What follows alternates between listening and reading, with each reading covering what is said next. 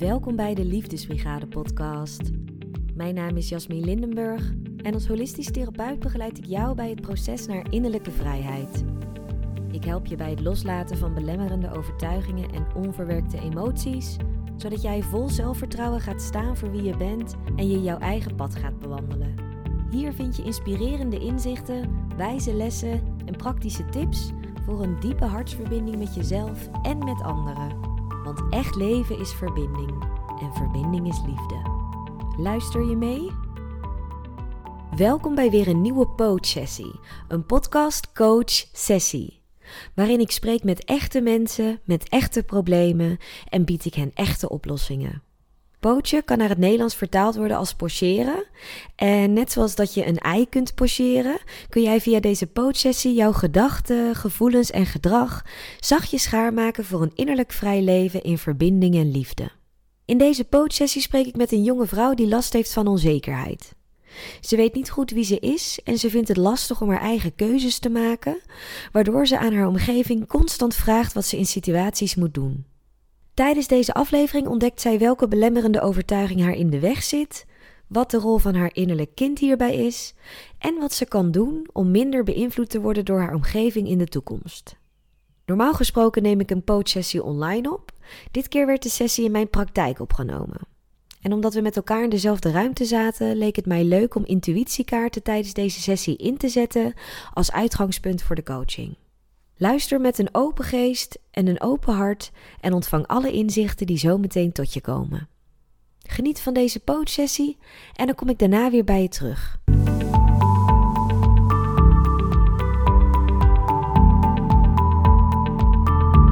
Goed, ik heb hier vier verschillende intuïtiekaartendeks voor je gelegd. Mhm. En dan mag jij één set uitkiezen waar je vandaag mee wil werken.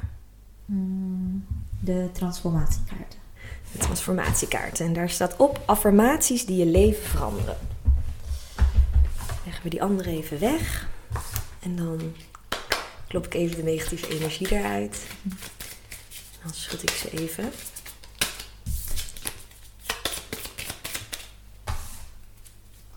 En dan ga ik ze allemaal voor je leggen. Mhm. En dan mag je intuïtief voelen met welke kaart je wil werken. Dus dan mag je hem straks met je linkerhand mag je hem van de stapel pakken.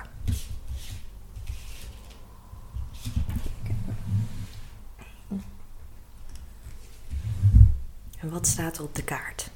Mijn hart is kalm, ik kan alles aan. Become mindful.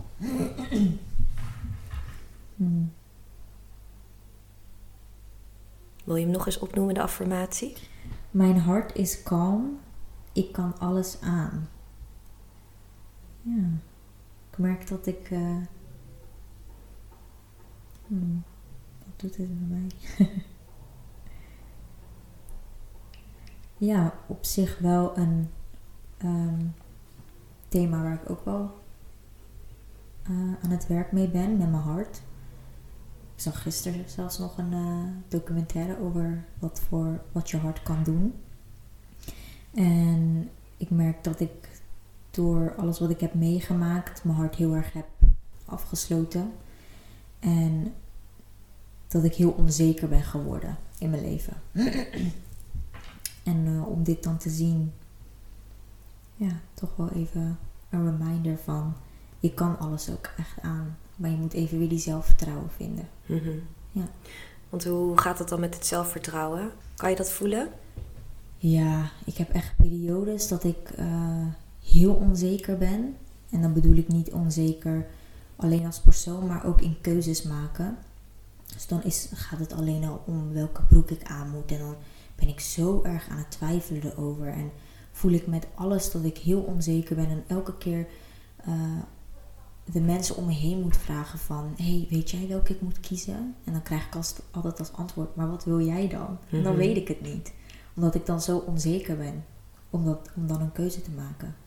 Ja, dus dan zoek je eigenlijk op die momenten de bevestiging bij anderen... dat zij eigenlijk dus voor jou ja. de beslissing maken... omdat je het dan zelf lastig vindt. Mm. En wat maakt dan dat je dat niet weet? Heb je daar een idee over? Mm. Nou, soms vraag ik me echt af waar die onzekerheid nou echt vandaan komt. Kan natuurlijk ook wel, geloof ook wel dat het eh, te maken heeft met dingen die ik vroeger heb meegemaakt. In de relaties die ik heb gezeten, waarvan je dan bijvoorbeeld niet echt jezelf mocht zijn. En dat je daarom nooit echt hebt kunnen bepalen van wat vind ik nou leuk. Omdat je dan altijd bezig bent met wat vindt de ander leuk. Hoe kan ik mezelf aanpassen naar de ander toe. En dat ik nu dat ik alleen ben, dat ik dat nog best wel lastig vind om dan te vinden van wie ben ik en wat vind ik nou echt leuk. Hm. En dan met alleen bedoel je niet in een relatie zittend? Ja, niet in een relatie. Ik merk dat ik heel snel uh, mezelf kan verliezen en mezelf wegcijfer als ik in een relatie zit. En dan, uh, ja, dan doe ik echt, please ik iemand anders. En dat mhm. heb ik altijd gedaan. En nu denk ik dat ik twee jaar niet in een relatie zit. En merk ik wel dat ik veel meer mezelf durf te zijn natuurlijk. Maar toch nog wel momenten heb dat het echt, ja, dat ik gewoon geen keuzes kan maken. Omdat ik niet weet wat ik nou echt wil. En is er recentelijk iets gebeurd waarbij dat naar voren kwam, om het even concreet te maken? Mm. Nou, uh, ik had dan, uh, ik heb dan heel veel met planeten. En als planeten dan een beetje raar gaan doen daarboven, dan voel ik dat heel erg. En uh, met die Mercurie die uh, retrograde ging, toen had ik echt dat ik ineens weer voor echt bijna een maand lang heel onzeker werd. Niet meer wist wat ik moest doen. En dan, ik zoek dan heel vaak ja, de mening van mijn zusje. Dus dan betrek ik haar met alles. En soms wordt ze helemaal gek van me van... Waarom weet je het nou zelf niet? Kies dan zelf. En zij geeft me dan wel tips mee. Maar niet iets specifieks. Het waren gewoon kleine keuzes die, die ik dan had moeten maken. Maar ook wel nu met... Uh, nu ik mijn bedrijf aan het oprichten ben... Dat ik niet weet van... Nou, hoe moet ik het nou doen? De ene zegt wel bijvoorbeeld... Laten we zeggen zoiets rekenen. En de ander zegt dan weer van niet dan weet ik niet wat ik moet kiezen. En toen kwam ik laatst wel tot het besef van, je moet niet altijd luisteren naar wat iemand anders wilt, maar ga een keer echt bij jezelf voelen van wat wil jij nou? Mhm. Dat moet ik dan nog wel echt doen. Dat heb ik tot nu toe nog niet gedaan. Ik ben dan heel veel bezig met van alles en nog wat. Dus dan neem ik niet echt de tijd om daar dan ook echt stil bij te staan. Ja. En heb je zelf een idee waar het door komt dat, dat je het lastig vindt om, om die eigen keuzes te maken? Hmm. Nou, het kan misschien ook wel in de cultuur liggen en uh, hoe ik ben opgevoed. Niet per se dat ik niet mocht kiezen wat ik wou, maar um, als je dan van een cultuur komt waar ze dan toch best wel streng zijn en je als kind niet echt heel erg je eigen keuzes maakt, dat dat dan uh, ervoor heeft gezorgd dat ik dat niet durf en altijd wel even iemand anders daarbij wil betrekken van wat vind jij dan als ik deze keuze maak? Zou dat oké zijn? Maar ja, die persoon komt ook uit zijn perspectief. Dus dat heeft niks met jou te maken. Jij moet voelen wat jij wilt. Ja.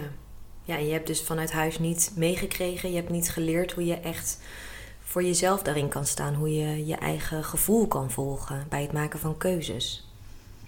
Ja, ik denk dat wel. Dat, dat, dat het is niet dat mijn ouders heel streng waren of wat dan ook. Niks naar hun toe. Maar ik denk dat dat echt wel een rol heeft kunnen spelen. Dat, dat je ouders toch wel wat meer de, ja, hoe noem je dat? Um, hoe noem je dat nou? Ja, dat zij de leiding hadden in jouw leven. Mhm. En voor jou zeiden van ja, doe nou dit, want dat is niet goed. En dat je zelf niet hebt kunnen kiezen. En ik weet wel dat mijn ouders dat het goed hebben bedoeld. En de dingen waar ze me in hebben geleid ook uiteindelijk datgene was wat ik wilde. Dat zij het dan ook wel wat beter wisten omdat ze volwassen waren. Maar misschien dat je als kind zijnde dan toch het gevoel hebt dat jij belemmerd wordt in datgene wat je eigenlijk wilt. Omdat dat dan ja, in hun ogen niet als iets goeds wordt gezien. Ja. ja, en ergens is het ook wel begrijpelijk dat wij als kinderen hè, ook ons laten beïnvloeden in dat opzicht door onze ouders, omdat we ook gewoon kinderen zijn. Dus we weten nog niet zo heel veel van de wereld en we begrijpen ook nog niet alles wat we zelf meemaken. Misschien snappen we ook niet helemaal wat we zelf voelen. Dus dan is het ook heel logisch dat kinderen heel erg kijken naar hun ouders en dat ouders daarin ook echt een invloed uitoefenen op, op keuzes die kinderen maken. Alleen ja, nu ben je volwassen. Mm. En dan merk je dus dat het eigenlijk helemaal niet meer nodig is om je keuzes door anderen te laten maken. Maar dat het tijd is dat je echt je eigen beslissingen gaat nemen. Dat je echt je eigen gevoel gaat volgen. En dat je echt gaat doen wat jij wilt. Mm. Heel lastig. Ja, ja want wat, wat komt er in je op op het moment dat, dat je voor een keuze staat en dat je dan niet zo goed weet wat je, wat je, waar je voor kan kiezen? Wat gebeurt er dan bij jou op dat moment? Mm. Ik krijg dan dat onzekere gevoel als ik een keuze moet maken.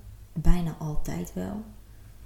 Soms is het heel groot, dan is die energie heel groot, het onzekerheid. En soms is het dan een kleine stemmetje.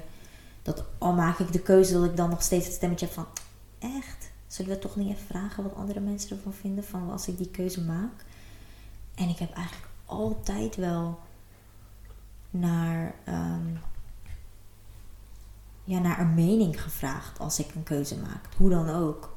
Al heb ik de keuze gemaakt, dan bespreek ik het wel even nog met mijn moeder of mijn zusje of een vriendin. Van was het wel een goede keuze? Of ziet het er wel goed uit? Ook met mijn logo. Dan moest ik het aan iedereen laten zien. Wat vind je ervan? Terwijl ik vind het mooi. Maar dan wil ik toch wel weten wat andere mensen ervan vinden. En wat er dan door me heen gaat, ja. Gewoon heel veel overthinking. Mhm. Ik ben eigenlijk wel nieuwsgierig. Wat, wat brengt het jou dan op het moment dat je dat dan nog checkt bij anderen? Terwijl je dan zelf in dit geval voelt, mijn logo ziet er gewoon goed uit. Wat maakt dan dat je dat toch nog even bij anderen gaat checken? Ja, voor een extra bevestiging. Ja. En als ze dan zeggen, eh, dit logo ziet er echt totaal niet uit. Dus ze kraken hem helemaal af en ze geven je die bevestiging niet. Dan raak ik nog onzekerder. Want ik ben heel snel beïnvloedbaar.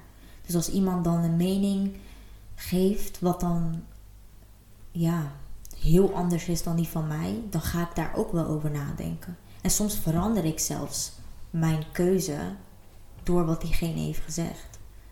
En is dat dan ook waar je zelf ook achter staat? Ja, dat weet ik dus niet.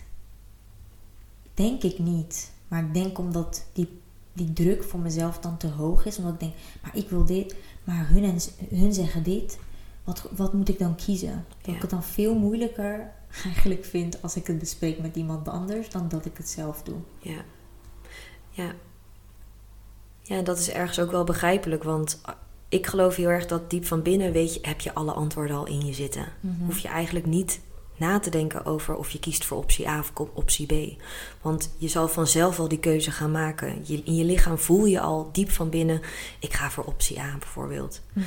Maar als anderen dan gaan zeggen, ja, misschien is optie B toch beter, dat vind ik veel meer bij je passen, of dat klinkt veel verstandiger bijvoorbeeld, dan is het logisch dat je dus heel erg gaat twijfelen. Mm. Ik ben nu ook met mijn lichaam aan het heen en weer bewegen, dat je, omdat je letterlijk twee kanten op wordt geschud. Ja. Want alles in jouw systeem zegt optie A, terwijl je buitenwereld dan zegt optie B.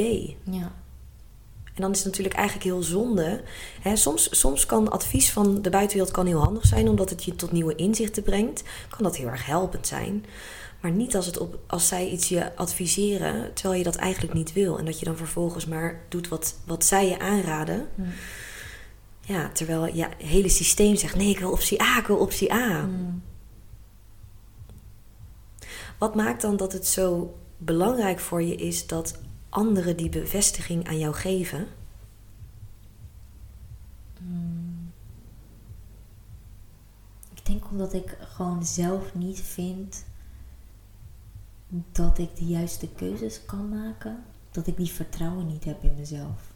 Dat ik weet wat het beste voor me is. Omdat ik altijd aan iedereen vraag wat het beste voor mij is. Dat ik nu echt bezig ben dat pad dat ik zelf ook moet beslissen van wat is nou goed voor mij. Maar dat vind ik heel lastig omdat ik dan wel mensen om me heen heb die dan wel een mening hebben over iets. En dat ik dan daar, daar dan weer heel snel in mee kan gaan. Maar ik denk dat geen vertrouwen hebben in mezelf. Dat ik weet wat goed voor mij is. Ja. ja, en op basis van wat je me dan nu hebt verteld, dan is dat ook hè, in dat opzicht logisch, omdat je het ook niet van huis hebt meegekregen, dat je dat niet hebt geleerd, hoe je echt op je gevoel kan vertrouwen en hoe je je gevoel kan gaan volgen. Dus als je dat nooit echt met grote keuzes hebt gedaan, of met kleine keuzes, dan heb je dus eigenlijk ook nooit aan jezelf laten zien dat je op jezelf kan vertrouwen. Ja. En dat je ook in jezelf kan vertrouwen, in de keuzes die je maakt. Ja, is ook echt zo. En als ik je dan nu hoor, dan voel, dan voel ik ook dat je denkt: en nou is het gewoon klaar daarmee. We gaan gewoon voor een ander patroon. Voor een patroon dat jou niet meer belemmert, maar voor een patroon dat je helpt. Ja. Ja, Hm. Ja, dat moet ik echt steeds vaker doen. ja, Maar dan sta je dan niet bij stil. Je weet wel dat het iets is waar je aan moet gaan werken, maar toch, het, het is een patroon die je heel je leven al hebt bewandeld. En nu moet je dat ineens gaan switchen op 26-jarige leeftijd. ja. Het is best lastig. Toch nog werk ik dat ik, als ik dan iets bijvoorbeeld nu met, me, eh, met mijn bedrijf, dat ben ik helemaal aan het oprichten zonder heel veel mensen erbij te betrekken, ook niet mijn ouders. En eh, dan vind ik het toch wel lastig, want als ik dan met ze ben, dan wil ik het heel graag delen. Maar dan weet ik ook dat ik natuurlijk ook wel weer meningen terug ga krijgen. En dat, niet dat ze iets negatiefs zouden zeggen, maar toch ga ik daar dan wel weer van vragen van ja, maar waarom vind je dat? En mijn moeder helpt me dan altijd wel heel erg met, eh, met keuzes maken. En heel vaak heeft ze het ook wel goed. Maar ik voel dat ik nu echt ook dingen voor mezelf moet doen. En zoals met mijn bedrijf deel ik het gewoon met niemand. Heb ik zoiets van dit is van mij. Ik ga dit oprichten. En dat heb ik geen, gewoon geen zin om het met iemand te delen. Kijk, ik deel het wel met eh, kleine mensen om me heen. Gewoon met mijn zusje weet het dan en zo. Maar niet te groot. Omdat ik weet dat ik te snel beïnvloedbaar ben. Dus ik probeer het wel in mijn leven erin te krijgen. ja, en dat is al super mooi. Want wat ik hoor is dat je dan voor jezelf een manier hebt gevonden waardoor je in ieder geval wat kan oefenen met het maken van je eigen keuzes die gebaseerd zijn op je eigen gevoel. Ja. En dat je jezelf als het ware beschermt door dit even niet met belangrijke mensen in je leven te delen, omdat je al van jezelf weet, omdat je er al bewust van bent dat je makkelijk beïnvloed door hen kan worden. Dus ik denk dat dat heel mooi is dat je, dat je, op jezelf, dat je jezelf op die manier al eh, Ja. ja, ermee aan het oefenen bent. Dat je het gewoon al aan het doen bent. Ja. Het is niet eens oefenen, het is gewoon doen. Ja. En het zou natuurlijk helemaal mooi zijn dat op een, op een gegeven moment dat, dat je het ook gewoon met die mensen kan delen met wie je het graag wil delen. Mhm. En dat ze dan ook gewoon hun eigen mening kunnen geven, zonder dat het jou dan beïnvloedt en dat je gelijk een andere koers gaat varen, omdat zij dat adviseren. Ja. Ja, dat zou echt fijn zijn. Ja, Dat ik inderdaad niet bang hoef te zijn voor mensen hun mening. ja, En dat ik gewoon kan doen wat ik wil. En al heeft iemand een mening daarover, ja, dat blijft jouw mening. Jij ziet iets vanuit jouw perspectief. En dat is oké. Dat mag ook. Maar ik blijf doen wat mij goed laat voelen. ja, En ja, ik denk je moet kleine stapjes nemen. Dus dit, dat ik dit al doe en al bepaalde dingen in mijn leven niet deel met iedereen, dat is al een grote stap voor mij.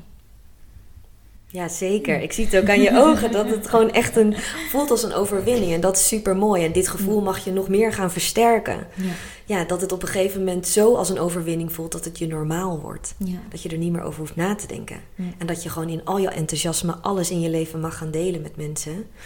Zonder dat, dat het gelijk dus jouw koers verandert. En terwijl we hierover aan het praten zijn, dan komt ineens hè, het innerlijk kind in me op. Mhm. Jouw innerlijk kind. Want op het moment dat jij bijvoorbeeld bij je ouders bent en je vertelt ze over je bedrijf en je merkt dat ze allemaal dingen aan je gaan vertellen, hoe het ook anders kan en misschien hun eigen input geven. En dat je dan merkt dat het je beïnvloedt, dat, dat je misschien dan gaat voor een andere keuze. Hoe oud voel je je dan op dat moment? Hmm, zes of zo. Ja, ik krijg het eerste wat ik doorkrijg is zes. En wat, wat gebeurt er op zesjarige leeftijd bij jou? Hmm. Op zesjarige leeftijd, toen waren we denk ik pas twee jaar net in Nederland.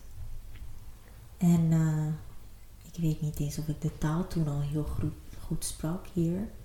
Maar ja, maar we zijn dan vluchtelingen vanuit Afghanistan. En ik denk, ja, niet eens. Gewoon een meisje die eh, niet echt weet waar ze is. Ze ziet er anders uit dan eh, iedereen in haar klas. Ze spreekt de taal niet goed. En ik denk dat die eh, onzekerheid dan ook wel een beetje eruit komt. Dat je ergens bent waar je eigenlijk niet helemaal thuis hoort. Dat het niet jouw ja, jouw land is, waar je geboren bent. En dat je dan juist vlucht naar je ouders voor die ja, mm, bevestiging in dingen. Want wat geven jouw ouders jou op zesjarige leeftijd? Hoe geven zij hun bevestiging aan de zesjarige ik? Mm. Ik denk dat hun ook wel heel bang waren en niet wisten wat ze moesten doen. Dus ik denk dat hun advies ook uit onzekerheid kwam. Want je bent dan net in een land waar je ook de taal niet spreekt. En je moet kijken of je überhaupt een paspoort hier krijgt, of je hier mag blijven wonen en uh, hoe je leven zal verder gaan. Dus ik denk dat hun advies en liefde ook uit een onzekere plek kwam en dat ze mij gewoon wouden beschermen. Hm. En als je dan ook in dat gevoel kan zakken van je zesjarige ik, hm. Hoe voelt dat dan? Kan je daar woorden aan geven? Hm. Ik krijg gelijk traan. um, bang. Ja. Gewoon. Uh,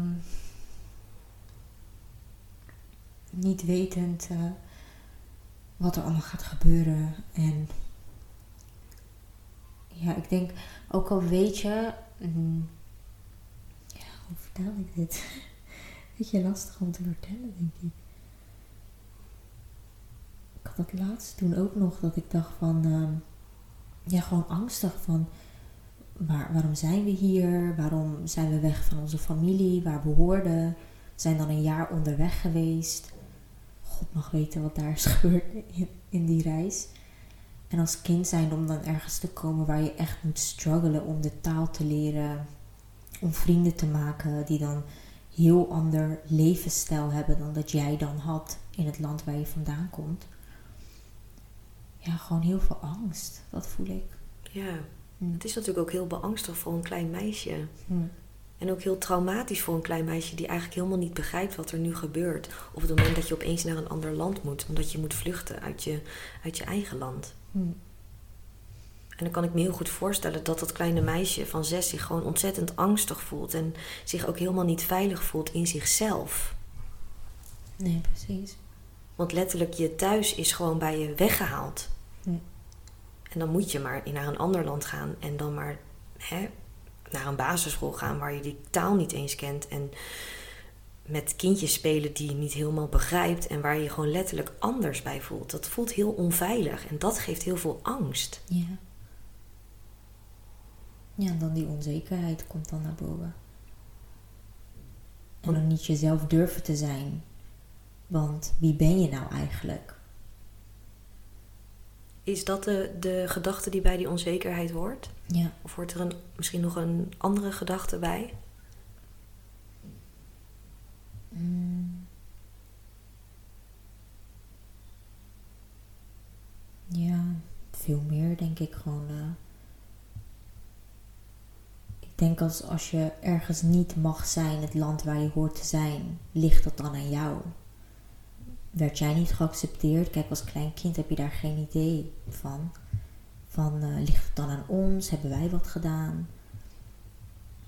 Dus je twijfelde? Ja.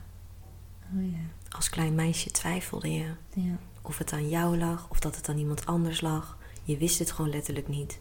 Dus van binnen vond je niet het antwoord. Nee. Dat is die twijfel. En die twijfel, die voel je nu nog steeds als volwassen vrouw. En daardoor vind je het lastig om keuzes te maken die goed voelen voor jou. Mhm. Die twijfel zit al jarenlang in jouw systeem en het wordt tijd dat je die twijfel gaat omzetten naar kracht. Naar vertrouwen. In jezelf en in de keuzes die je gaat maken. Zo. Nooit gedacht dat het daar zou kunnen liggen. Ja. Ja, dan ligt het toch echt aan een innerlijk kind waar het vandaan komt. Je zou dan denken dat, want ik was dan drie toen we waren gevlucht en mijn ouders zeggen wel van, uh, ja maar jij was zo klein, dat had je, dat had je toch niet mee kunnen maken. we hebben het zo leuk mogelijk voor je gemaakt. En, maar ja, ik denk dat je dat echt wel merkt hoor. Dat jij letterlijk weg wordt gehaald van je familie, van je opa en oma, je tantes en ooms. En je ineens een jaar lang onderweg bent in bossen, in waar dan ook. Dat merk je echt wel als een driejarig kind. Absoluut. En ook al kun je misschien alles niet al verwoorden zoals dat een volwassene doet, je slaat alles op in je systeem. En alles wat niet goed wordt verwerkt, wat niet goed kan doorstromen, dat veroorzaakt op een gegeven moment een blokkade in je leven. Ja.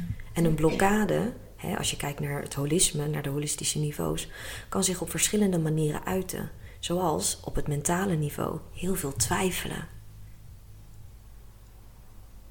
En dan als je kijkt naar het emotionele niveau bijvoorbeeld, dat je je heel onzeker voelt. Dat je ook die angst hebt.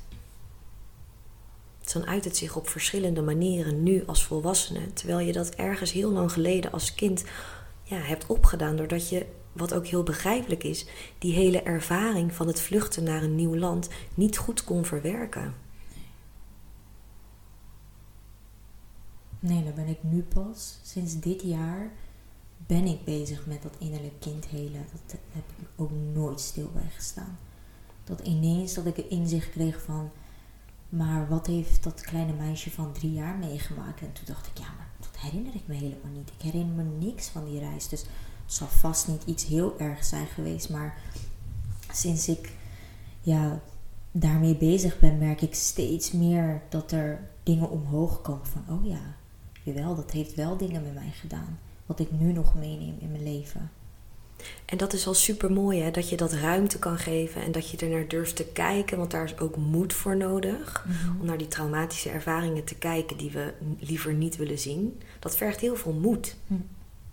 En dat is mooi dat je daar dan stapje voor stapje steeds meer ruimte aan kan geven. En dat je dus eigenlijk vooral ruimte geeft aan je innerlijk kind. Mhm. Want dat is wat er nu nodig is jouw innerlijk kind die heeft zich toen der tijd, toen je drie was, en ook dus hè, tot, toen je zes was, heeft zich heel erg angstig gevoeld, heel erg onzeker. Heel de tijd twijfelen, ligt het aan mij? Ik weet niet wat er gebeurt. Ik begrijp het niet. Is het door mij? Komt het door iemand anders? Twijfel, twijfel, twijfel en onzekerheid. En het is tijd dat je innerlijk kind ook die andere kant van het kind zijn mag gaan ervaren. Dus niet alleen dat ze die pijn maar hoeft te voelen, dat heeft ze nu genoeg wel gevoeld.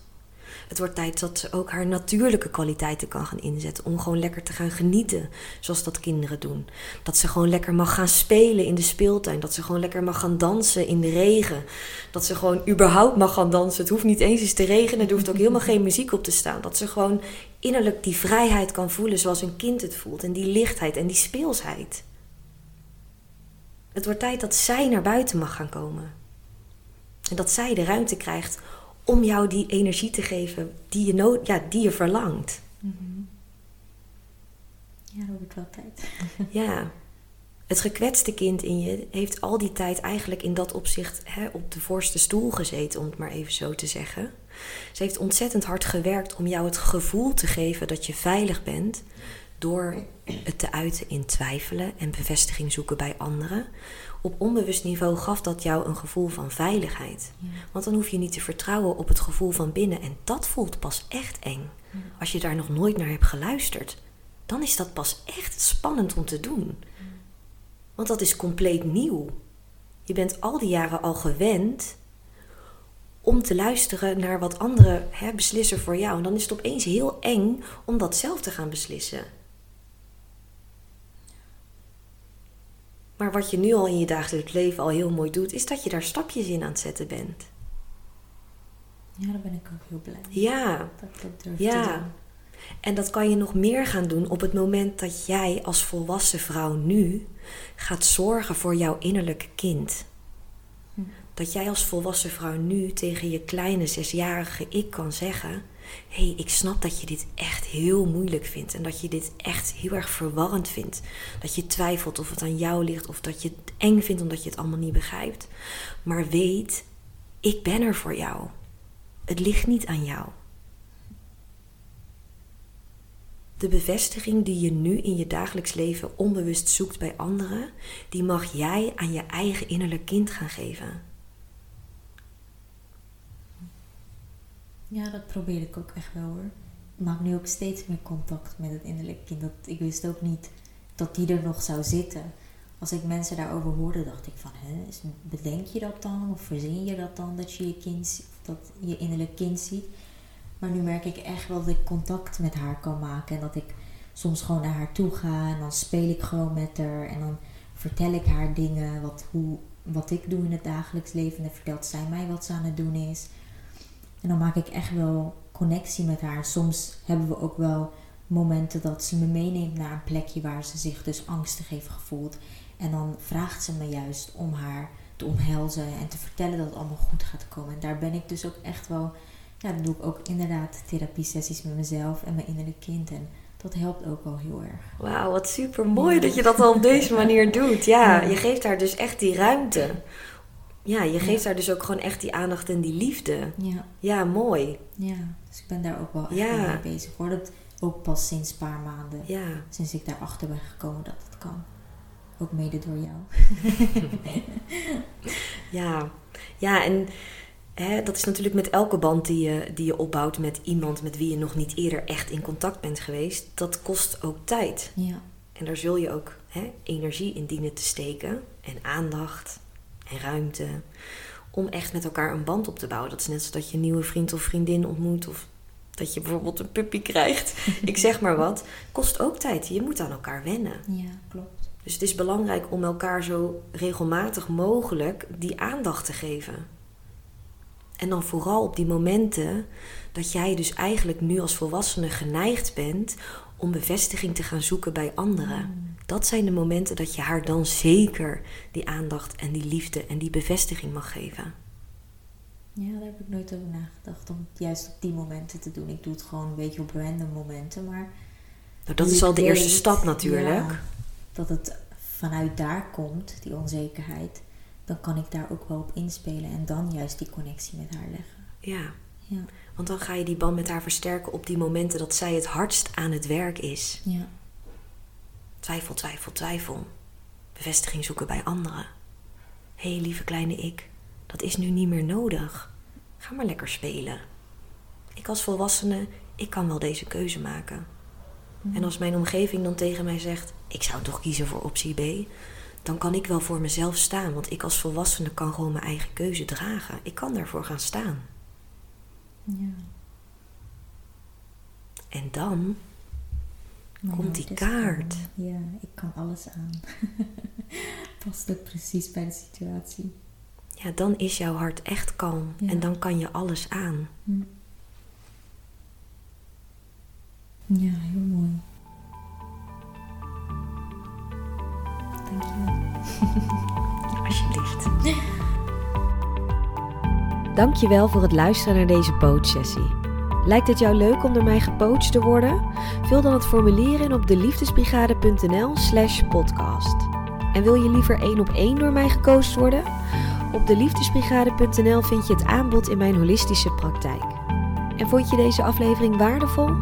Deel hem dan nu met je omgeving en tag mij op Instagram Stories at de Liefdesbrigade. Laten we samen de wereld lichter maken en liefde verspreiden door liefde te zijn.